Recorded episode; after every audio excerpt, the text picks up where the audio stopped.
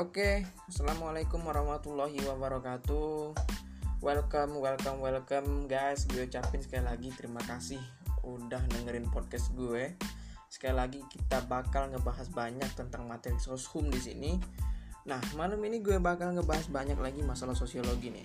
Nah, kemarin di podcast gue yang pertama kita udah banyak ngebahas masalah sosiologi tentang ciri-cirinya, kemudian tokoh-tokohnya siapa aja kita udah kenalan sama Auguste Comte kemudian Karl Marx kemudian Emil Durkheim Charles Cooley Max Weber dan juga Talcott Pearson si orang Amerika.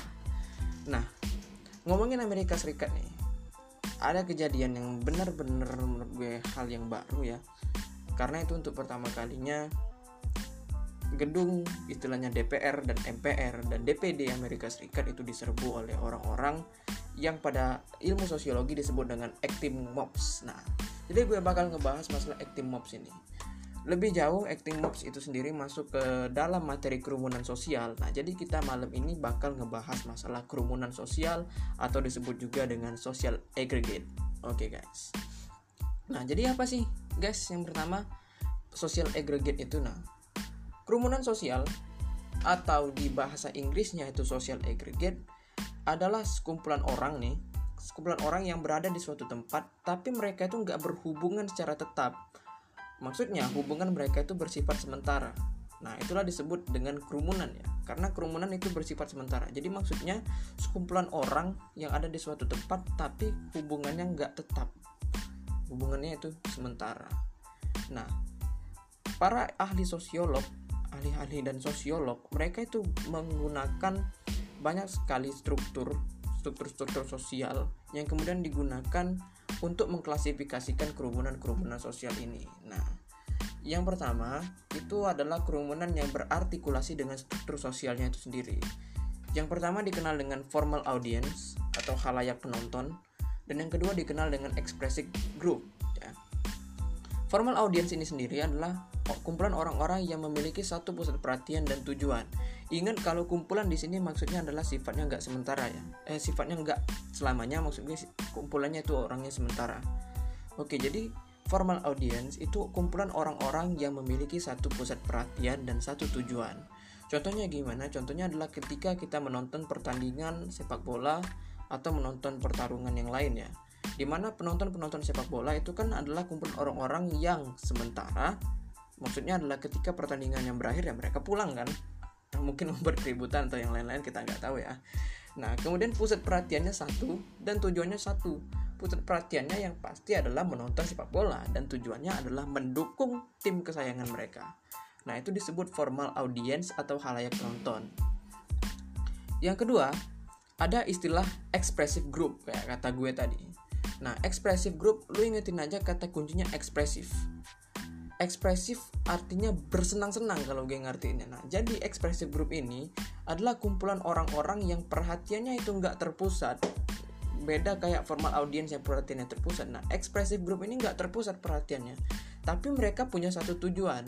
Tujuannya apa? Yaitu bersenang-senang. Nah, contohnya gimana? Lah ketika contohnya lu ngundang seluruh teman-teman lu untuk datang ke pesta ulang tahun. Nah, pasti mereka nggak punya uh, perhatian yang terpusat kan? Mereka nggak walaupun itu ulang tahun mereka pasti nggak terpusat nggak malu nah tapi mereka tujuan mereka adalah sama yaitu bersenang-senang. Caranya gimana ya kita nggak tahu.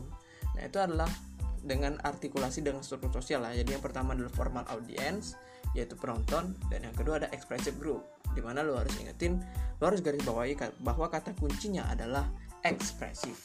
Nah dari artikulasi sosial ahli sosiolog juga membuat klasifikasi kerumunan yang terbentuk secara kebetulan maksudnya casual crowd. Berarti beda kalau kayak audience dan expressive group tadi di mana mereka itu enggak secara kebetulan melainkan memang mereka memiliki tujuan yang sama. Nah kalau berdasarkan kebetulan itu disebut dengan casual crowd casual crowd ini kemudian terbagi lagi. Yang pertama adalah inconvenient aggregation.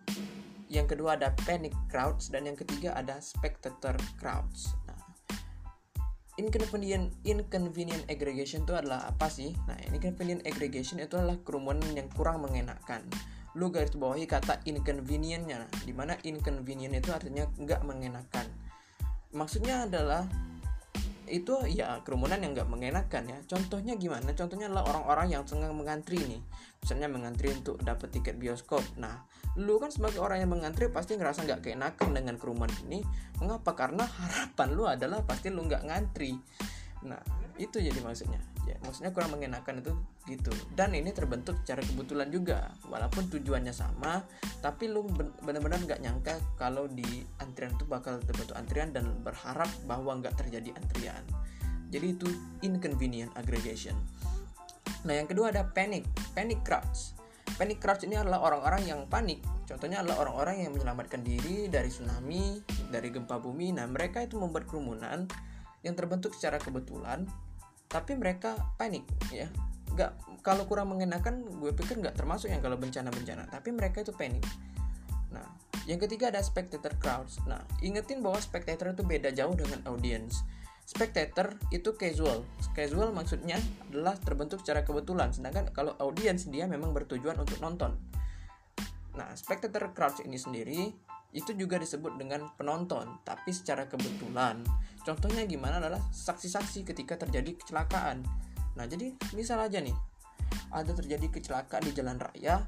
Nah pasti banyak bakal banyak kan orang yang istilahnya nonton kecelakaan tersebut. Nah mereka itu kan nggak terbentuk maksudnya kayak audiens ya. Mereka terbentuknya secara tersendiri atau secara kebetulan atau secara casual kayak kata gue tadi. Nah itulah yang disebut dengan spectator crowds oke? okay? Nah, itulah yang terbentuk secara kebetulan. Jadi udah ada dua nih ya. Ada yang kerumunan berdasarkan struktur sosial dan ada juga kerumunan yang berdasarkan secara kebetulan. Struktur sosial itu ada uh, audience, formal audience dengan expressive group. Kemudian casual crowds itu ada inconvenient, ada panic dan ada spectator crowds. Nah, yang ketiga adalah kerumunan yang melawan norma hukum atau lawless. Nah, di sini selain melawan norma hukum, gue sudah gue juga mau nyebutnya sebagai yang nggak punya hukum karena lawless tadi. Nah, kerumunan ini terbagi dua, yaitu acting mobs dan juga immoral crowds. Acting mobs ini ya contohnya adalah kayak penyerbuan gedung Capitol atau gedung DPR, MPR dan DPD-nya Amerika Serikat kayak kata gue tadi di mana acting mobs ini adalah artinya itu gerombolan emosional. Nah, jadi mereka itu emosional. Mereka nggak mampu mengontrol diri akhirnya mereka emosional mereka berkumpul dan mereka melakukan tindakan yang melawan hukum. Nah itu acting mobs emosional. Yang kedua ada immoral crowds. Nah immoral crowds ini poinnya sama mereka ngelanggar hukum tapi mereka nggak emosional loh guys nah maksudnya adalah mereka itu nggak emosional mereka berkumpul. Jadi contohnya apa? Contohnya adalah ketika para pecandu narkoba itu berkumpul. Nah para pecandu narkoba itu adalah melawan hukum mereka berkumpul dan kerumpulan eh, maksud gue kumpulannya itu termasuk lawless atau enggak berhukum ya melawan norma hukum lah. Nah jadi itu tadi kerumunan yang melawan norma hukum ini terbagi dua yaitu acting mobs dan immoral crowds. Nah, kemudian yang keempat apa? Yang keempat ada kerumunan pasif atau crowd biasa. Crowd biasa ini adalah kumpulan orang-orang yang tidak saling mengganggu ketika berkumpul. Contohnya ya ketika kita sedang mengikuti ujian dengan orang-orang yang gak kita kenal kayak ujian masuk PTN ya. Ya kita kan berkumpul dengan orang-orang yang tidak saling ganggu oke? Okay? kita nggak saling ganggu kita nggak saling emosional kita nggak punya pusat perhatian kita juga nggak terbentuk secara kebetulan. Nah itu disebut dengan kerumunan pasif. Nah Kemudian yang kelima ada manifestasi umum atau demonstration. Nah, demonstration ini disebut sebagai kumpulan orang-orang yang berunjuk rasa dan telah terencana. Unjuk rasa itu nggak melanggar hukum, unjuk rasa itu adalah salah satu bentuk dari demokrasi, asal nggak melakukan tindakan yang melawan hukum ingetin kalau demonstration itu terencana maksudnya adalah mereka sudah jelas oh nanti kita long march dari sini ke sini nih dari poin A ke poin B. Kemudian di poin B nanti bakal ada mimbar bebas kemudian dan ada yang lain-lain. Pokoknya sudah terencana. Nah di situ disebut dengan manifestasi umum atau demonstration. Yang keenam ada kerumunan berdasarkan tempat tinggal atau residential aggregate.